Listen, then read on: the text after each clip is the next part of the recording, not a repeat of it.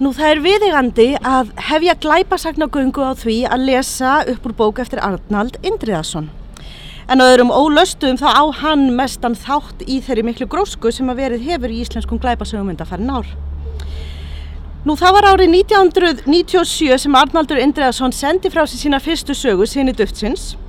Og sögu svið flestra sagna hans er í Reykjavík þrátt fyrir að erlendar bókakápur gefi annað til kynna. E, og það er þessi staður hér, e, Írska kráin Dubliners í Hafnarstrætinu og hún er svið æsilegra atbyrða, dramatískra átaka og bissubardaga í sögu Arnaldar frá árunnu 1999, Napoleonskjölin.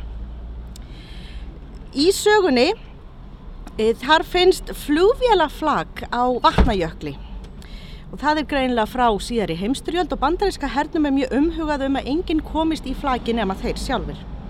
En óvart þá koma nokkru ungir vélslega menn að eh, vélinni og herrmennir taka til örþrifar á það. Inn í máli blanda svo sýstir eins vélslega mannsins, Kristín, sem er í raun og veru aðal söguhetja bókar hennar og það er hún sem er að kanna hvers vegna hann finnst mikið slasaður á jöklinum. Þegar hún er að behefja sínar eh, kannanir á þessu þá ráðast tveir sérsveitamenn inn á heimilennar og ætla að drepa hana.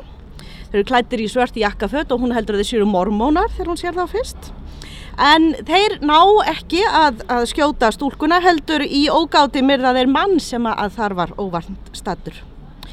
Kristín flýr og hún á gamlan kærasta í hernum í Keflavík og hann aðstöður hana við að finna út úr því sem ágengur en það er sem sagt ekki lítið.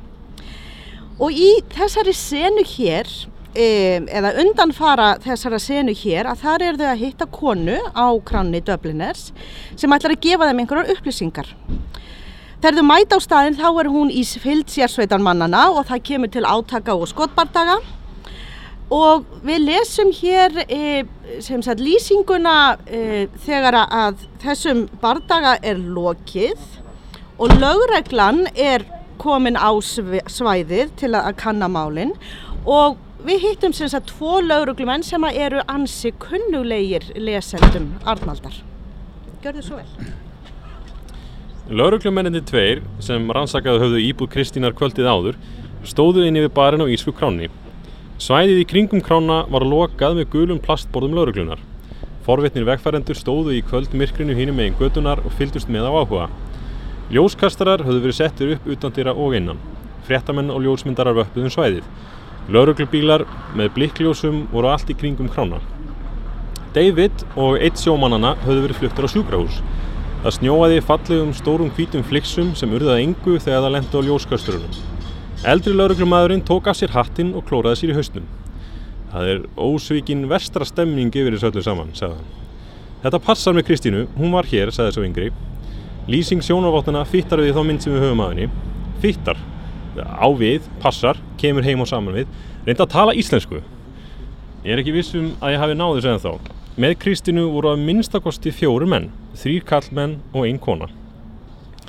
Einn af þeim lág hérna á tröppunum fyrir utan ítlasærður eftir slagsmál. Sjómerinnir halda að hans er bandarískur, lamin í spað af hetjum hásins.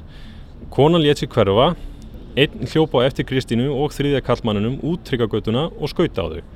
Hann hefði áður reynt að koma félagið sínum til hjálpar inn á kronni og sjómenniti sögðu að hann var líka kanni. Kristín og félagið hannar komist upp í jeppabifreið og ógu brott. Uh, Amerikaninn á tröppunum var skilríkjalus.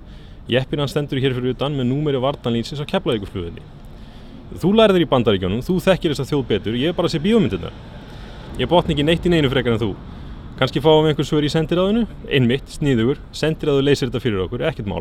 Við tölum bara við sendiráðu og þeir segja okkur hvernig líkur í öllu og, og við förum heim að sofa. En nú ristillin ángraði aftur.